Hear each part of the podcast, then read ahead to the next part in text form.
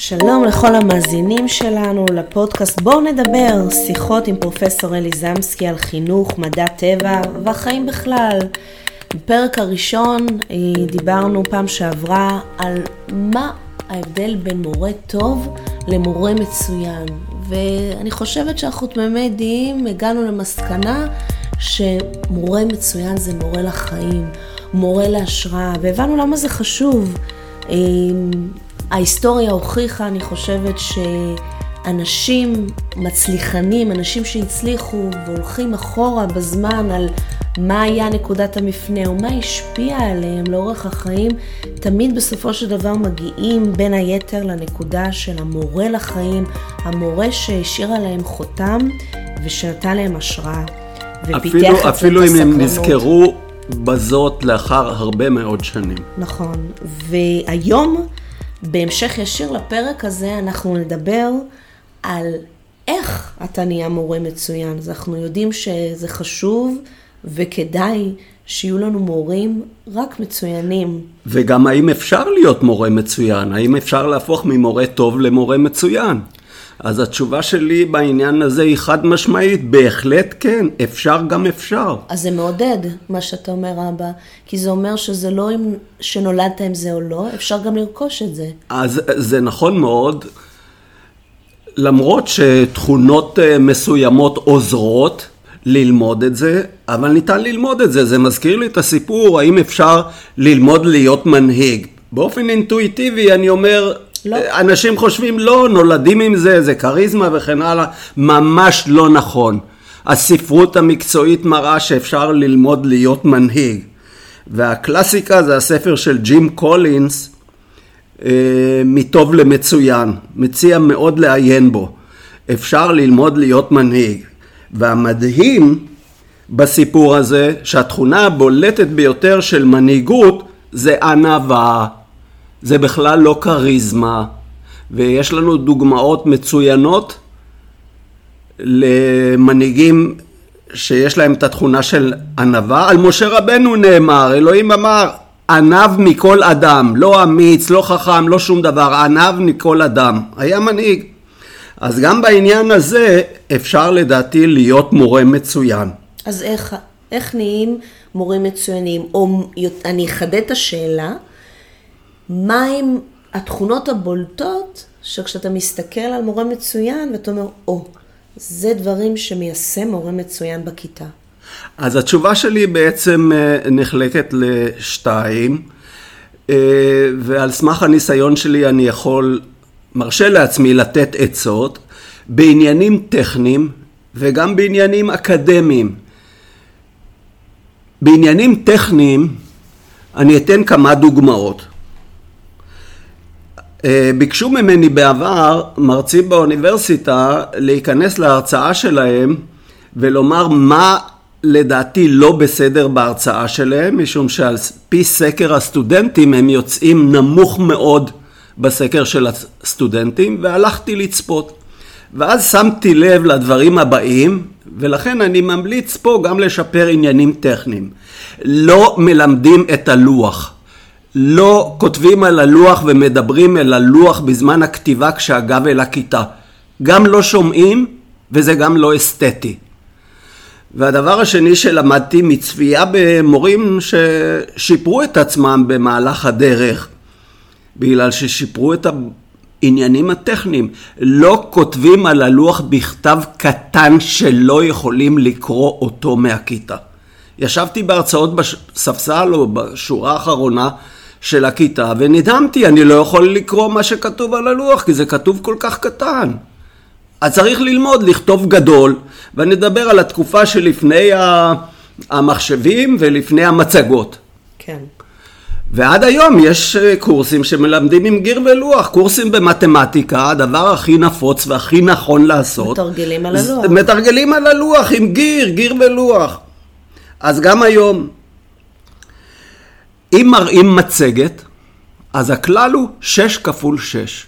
מה זה 6 כפול 6? בשיקופית של המצגת יש רק 6 שורות ו-6 מילים בכל שורה. כי נשאלת השאלה, למה נועדה המצגת? האם זה נועד להקריא לתלמידים מתוך המצגת? בשביל זה לא צריך מצגת. אפשר לתת להם דף מודפס. כן. זה צריך לשרת את המורה, לתת לו נקודות למחשבה כדי להוליך אותו בצורה סבירה להסביר את הנושא.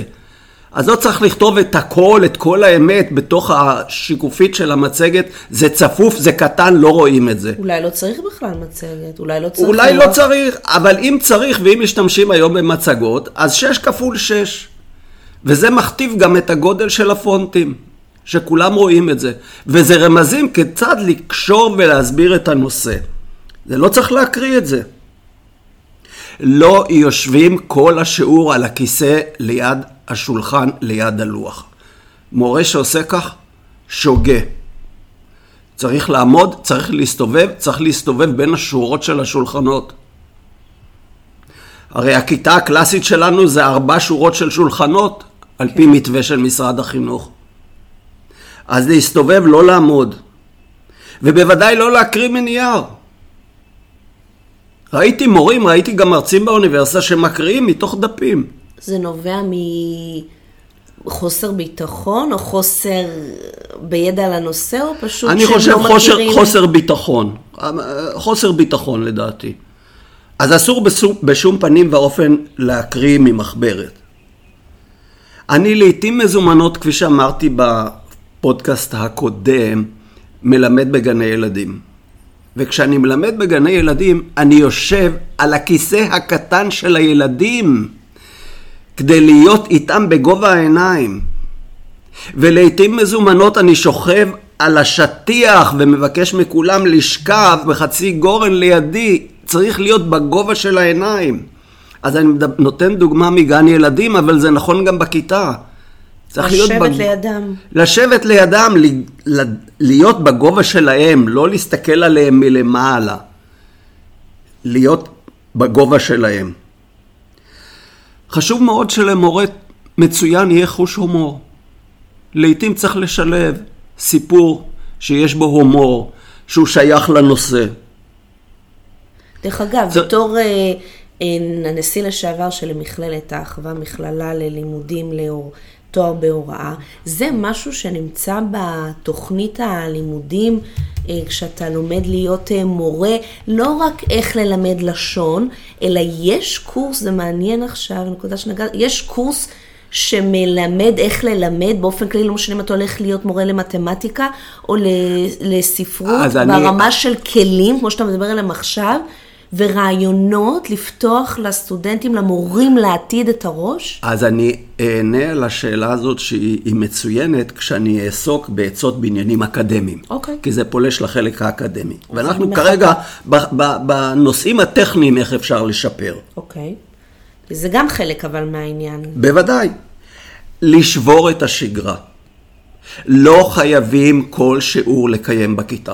אפשר להיכנס בבוקר לכיתה ולומר, ילדים, תלמידים, יקרים, אפשר את הנושא שנלמד היום להעביר וללמוד בגינה או בחצר, בחצר של בית הספר. ולשבת על הדשא. אני עשיתי את זה באוניברסיטה, אני עושה את זה במכללות. אולי זה צריך להיות בכלל חובה. המנהל או המנהלת צריכים להכריח, להכתיב למורים שאיקס זמן בשבוע חייב להתקיים מחוץ לכותלי הכיתה. אין הנחיה כזאת. אז אולי צריכה אז, להיות. אז נעסוק היום בסוגיה, גם בסוגיה הזאת, מה זה בית ספר מצוין. אוקיי. כן. שם אפשר לתת עצות או לפ- לפקוח את העיניים בסוגיה הזאת, אבל אני אומר, לשבור שגרה. זה יכול להיות בחצר, זה יכול להיות במשחק שמוליך את התלמידים להבין את הנושא של השיעור. אבל לשבור את השגרה. להזיז את השולחנות, לשבת במעגל או בחצי גורן. לשבור שגרה, להיות קצת אחרת. זה עניינים טכניים, אבל הם, חשובים. ומכאן אני עובר לעצות, אני אומר עצות, אבל אה, אה, המלצות? המלצות, נכון, המלצות זה יותר טוב, בעניינים אקדמיים, שהם לא פחות חשובים. לדעתי השיעור מתחיל הרבה לפני השיעור.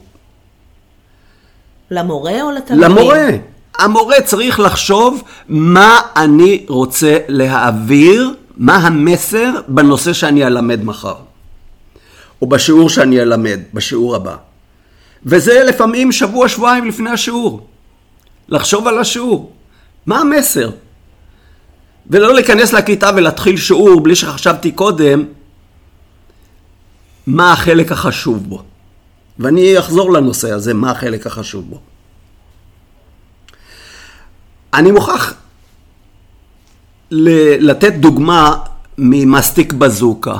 אנחנו זוכרים את מסטיק בזוקה, ובתוך הקריקטורות של מסטיק בזוקה היו לפעמים כל מיני בדיחות. הלצות, בדיחות וכן הלאה. אז אני זוכר משהו, אני אנסה מהזיכרון, שהוא רלוונטי. תותי אומר לגופי, לימדתי את סנופי לשרוק. אז גופי עונה לתותי, אני לא שומע שסנופי שורק. אז מה הוא משיב לו? אמרתי לך שלימדתי אותו לשרוק. לא אמרתי לך שהוא יודע לשרוק. יפה. זה ההבדל הגדול. בשביל מה אתה מלמד? אתה רוצה שהם ידעו את החומר. לא לעשות וי שהנושא נלמד. לשמוע אותם שורקים. נש... כן, לשמוע אותם שורקים, נכנס באוזן אחת, יוצא באוזן השנייה, אולי נשאר בקודקוד עד הבחינה, ואחר כך נעלם. לא. מה המסר? סלוגן, משפט, שיישאר איתם לעד. מה אני רוצה שיזכרו מהשיעור?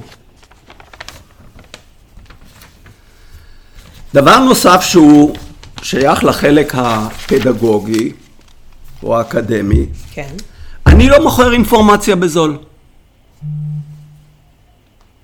אני לא מגיע לשיעור ומתחיל לדקלם, ואני ממליץ לא לעשות את זה. צריך לאתגר את התלמידים בשאלה לפני שאני מתחיל להסביר. להתחיל את השיעור בשאלה. להתחיל את. השיעור בשאלה. ואז הם כולם סקרנים. ולעיתים מזומנות בכוונה בשאלה פרובוקטיבית. שמעצבנת אולי בהתחלה. ואני אתן דוגמה או שתיים מעולם המדעים שהוא קרוב לליבי. כשהייתי נכנס לשיעור שצריך במהלכו להסביר על דיפוזיה, אז הייתי שואל את התלמידים לפני שאני מתחיל להסביר, תגידו לי מה זה דיפוזיה. והיו מדקלמים את המשפט הבא שלמדו בתיכון. מהספר. דיפוזיה, כן, מהמורים, מה שנשאר להם. דיפוזיה זה תנועה של חלקיקים מריכוז גבוה לריכוז נמוך. אז אני אומר להם, בואו נחשוב על האיוולת הזאת שאמרתם עכשיו. תסבירו לי איך החלקיקים בריכוז הגבוה יודעים שהם צריכים לזוז לשם איפה שהריכוז נמוך. ואז הם נשארים עם פה פעור. באמת, לא איך הם למדו. יודעים? מה? כי הם לא למדו. כי הם לא חשבו, כי אין להם חוש ביקורת. חסרות שתי מילים בהגדרה. תנועה ספונטנית אקראית של חלקיקים מריכוז גבוה לריכוז נמוך, שהמשמעות שהחלקיקים בריכוז הגבוה גם זזים לכיוון השני, ההפוך, המנוגן, כי הם זזים באופן אקראי, אבל בגלל ששם יש ריכוז גבוה בצד אחד, אז זה יוביל בסופו של דבר לפיזור פחות או יותר שווה בכל הנפח, בתמיסה או בגז. אתה יודע, זה, זה מזכיר לי, הנקודה שנגעת בה היא קל להבין אותה, כי זה מעולם המדעים, זה עולם של דברים שממחישים, שזה מביא אותי לנקודה שזה זה הוכח בספרות, אה, קוראים על זה שהיום אנשים זוכרים יותר דברים שהם רואים מאשר שהם קוראים, או ש... אה, אני אעסוק בזה, צריך לשלב את כל החושים. יפה. אז זה נקודה גם שאנחנו צריכים לחדד פה בפרק הזה או בפרק הבא, על באמת, על איזה חוש הכי צריך להתרכז בשביל באמת לפתח את, ה, את הסקרנות וגם את הסיכוי שאנשים באמת יזכרו שהבינו את החומר. ויבינו אני את מה מגיע שהם לזה. אה, רשמתי, אני מגיע לומדים. לזה. אני, אמנם אני מדבר באופן ספונטני, אבל uh, אני משאיר לי בקופסה בין האוזניים לענות לך על השאלה כי הזאת. זו דוגמה קלאסית, זה עם דוגמה. אבל, כן. אבל, אבל הדוגמה הקודמת, אז מה הלקח שלי מהדוגמה שנתתי על הדיפוזיה? איפה חוש הביקורת שלכם? למה לא חשבתם כשדקלמתם את המשפט הזה? ואז מסתבר שאין להם מושג מה זה ספק קרטזיאני, גם לי. על בסיס דקארט. להטיל ספק בכל דבר. אל תקבלו כמובן מאליו, גם לא באוניברסיטה, מה שאני אומר לכם. תאתגרו אותי, כמו שאני מאתגר אתכם. נתקדם ביחד. אבל זה משהו שמורה אה, מצוין צריך להגיד מהיום הראשון שנכנס לכיתה שהוא פתוח לשיח ולביקורת ושיאתגרו אותו. כי הרבה מורים, אני חושבת היום, גם אם לא מתכוונים, הם מייצרים את הרושם או את התחושה שזה מפחיד או שזה לא בסדר. ל... לאתגר אז מה אמרו, מה אמרו חז"ל? הרבה למדתי מרבותיי, אבל יותר מכולם מתלמידיי. אני למדתי המון בקריירה האקדמית שלי מהתלמידים שלי. מהשאלות שלהם, זה שהם אתגרו אותי והייתי חייב לחשוב. אבל למה אני פונה אליהם כבר בשנה א' באוניברסיטה במדעים? איפה חוש הביקורת שלכם? למה לא אמרתם למורה או למורה, רגע, איך הם יודעים לזוז לשם? זאת אומרת, המורה המצוין, או השיטה להוראה מצוינת, אנחנו עוסקים בעצות או בשיטות. בשיטות, זה לעורר בהם את חוש הביקורת. חשוב מאוד. אני אתן עוד דוגמה מעולם המדעים, שהיא מאוד מטרידה אותי. כאשר אני מלמד על הולך, בצמחים, על הולכת מים. אז אני שואל אותם, איך לדעתכם מים עולים בעץ לגובה של 120 מטר בסקוויה או באקליפטוסים, ל-100 מטר? אז הם אומרים לי מה שהם למדו בתיכון, בכוחות נימיים. שטות ממדרגה ראשונה, איוולת. נדהמתי לאחרונה לראות שבספרות של חטיבת הביניים ככה כתוב, שמים עולים בכוחות נימיים.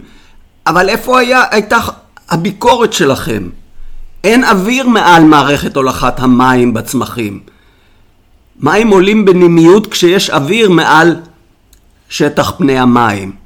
ואם תעשו חשבון לפי הקוטר של הקפילרות נאמר, או של הצינורות שמוליכים מים בעץ, אז תגיעו למסקנה שאם זה היה המנגנון להולכת מים בכוחות קפילריים, אז הם היו מגיעים מקסימום לגובה של 15 סנטימטר. ולא לעשרות מטרים. על מה אתם מדברים? איפה חוש הביקורת שלכם? אין דבר כזה. והאיוולת הזאת, ש- שכבר 120 שנה יודעים שזה איוולת, עדיין כתובה אצלנו בספרי הלימוד. ולא רק זה, אומרים למורה, מנחים אותה איך לעשות ניסוי בהולכה של כוחות נימיים בכיתה, כדי להדגים את זה. כמה יכולה להיות האיוולת? זה נראה לי פרק בפני עצמו, שנדבר על התכנים של משרד החינוך, אם הם מעודכנים או לא, אבל בואו באמת נחזור אז אני חוזר, חוזר ל, ל, לחלק האקדמי. לשיטות. לשיטות, כן. צריך לחזק אצל, אצל התלמידים את החוסן שלהם. חוסן, חוסן זה מילה גדולה. נכון. מכללת חמדת הדרום, שבה אני מכהן עכשיו בתפקיד, שמה לה כדגל לפתח אצל המורים לעתיד, לעתיד את החוסן כדי שהם יפתחו בתלמידיהם. זאת מילה גדולה, אבל אני מתייחס כרגע לנקודה אחת בתוך המכלול של החוסן. להגדיל את הסלף אסטים שלהם. הביטחון העצמי. את הביטחון העצמי. הרבה מאוד תלמידים עם עיניים כבויות. מתביישים, חסרי ביטחון. צריך לעודד אצלם את החוסן, החוסן האישי. איך עושים את זה? כמו שאתה אומר, זו מילה גדולה מאוד. אז, אז אני אומר, לא כולם גאונים, צריך למקסם את הפוטנציאל של כל אחד. הרי גם מורה מצוין, בית ספר מצוין, מערכת מצוינת, לא תעשה מכולם גאונים. היא לא אמורה גם. היא לא אמורה. אבל מה שהיא כן אמורה זה למקסם את הפוטנציאל שטמון בכל אחד מהתלמידים, שיגיע למקסימום של היכולות שלו. אז יבוא המורה הקלאסי ויגיד לך, יכול להיות שבצדק, יש לי כיתה של 40 תלמידים, הטרוגנית, שיש לי על סקלת ה...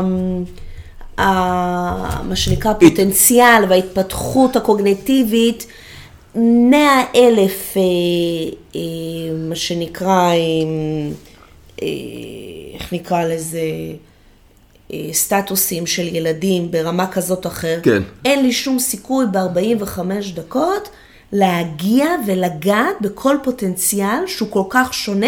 יש לי 40 ילדים עם 40 יכולות שונות. נכון, כי הכיתות במדינת יש- ישראל הן הטרוגניות. נכון. יש אוכלוסיית תלמיד על מנעד עצום של יכולות. אז איך אבל עושים על את זה זה? דיברנו בשיעור, בפודקאסט הקודם.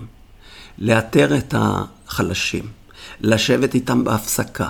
לדובב אותם, לראות מה מטריד אותם, לשאול אותם באופן יזום בשיעור, לעודד אותם. מה שהם יגידו, תגידו, תענו יפה מאוד, תסביר לנו איך הגעת לתשובה הזאת. לעודד אותם, וזה לטפח כבר אותם. יביא, יעלה את הביטחון שאתה מדבר עליו. יד על הכתף של מורה לתלמיד מתקשה עושה את כל העבודה לפעמים, חד משמעית. חד משמעית. אז אני אומר, בעניין הזה של הסל, לפ- לפתח אצלם, להעלות את מה שנקרא self-esteem, אה, איך אמרת? הביטחון הביטחון העצמי, זה למעשה לפתח אצלם את היכולת להיות לומד עצמאי. מה שילמדו לבד זה מה שיישאר להם, לא מה שהמורה ילמד אותם. אבל הר... והרצון, לפתח את הרצון ללמוד לבד. אז זה העניין, לפתח את הרצון להיות לומד עצמאי ולאתגר אותם בנושאים שילמדו לבד. אנחנו צריכים ללמוד על המהפכה הצרפתית, אבל אני לא אתחיל את השיעור ב-1789, שזה מועד תחילת המהפכה הצרפתית. אתם, כל אחד יבוא לשיעור הבא ויגיד לי מה הלקח שהוא לומד מהמהפכה הצרפתית. משם נתחיל. אתם תתחילו, אני אנחה את הדיון. אתם תלמדו. את זה הם ידעו. והתפקיד של המורה המצוין זה לעתים להיות מנחה. לא לומר כל דבר, לטפח את הלומד העצמאי. את יודעת, לי חשוב מאוד להרצות פנים אל פנים מול תלמידים. וזה לא משנה אם זה בגן, ביסודי, בתיכון, באוניברסיטה, במכללה, את כל המערכות האלה עברתי ולימדתי. ולכן אני לא אוהב את, ה, את הזום למיניהם וכן הלאה. אני צריך לראות את הפרצופים. מדוע אני אומר את זה? יש חשיבות עצומה, אקדמית, למורה, למדריך, להסתכל בעיניים של התלמידים. אני קורא לזה לראות את הקמטים במצח. גם כאשר יש לי שיעור של 500 סטודנטים, אני עוצר לרגע אחרי שלימדתי נושא קצת קשה, ואני מביט ומחפש את הקמטים במצח, אני קורא לזה. את העיניים הבוהות. ואז אני מבין, רגע, לא כולם הבינו. אני עכשיו אנסה בשיטה אחרת להסביר את זה. חשוב מאוד המבט מול העיניים, ולכן אמרתי בתחילת דבריי, צריך לשבת בגובה שלהם.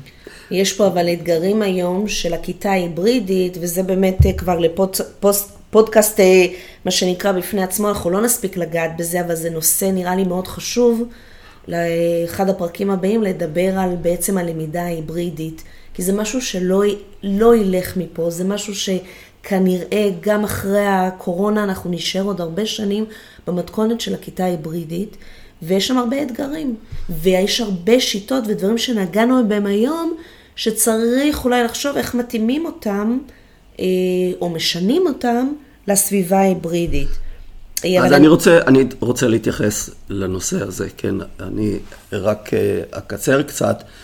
בסוף כל שיעור צריך לומר במשפט מהו, באנגלית אומרים take home lesson.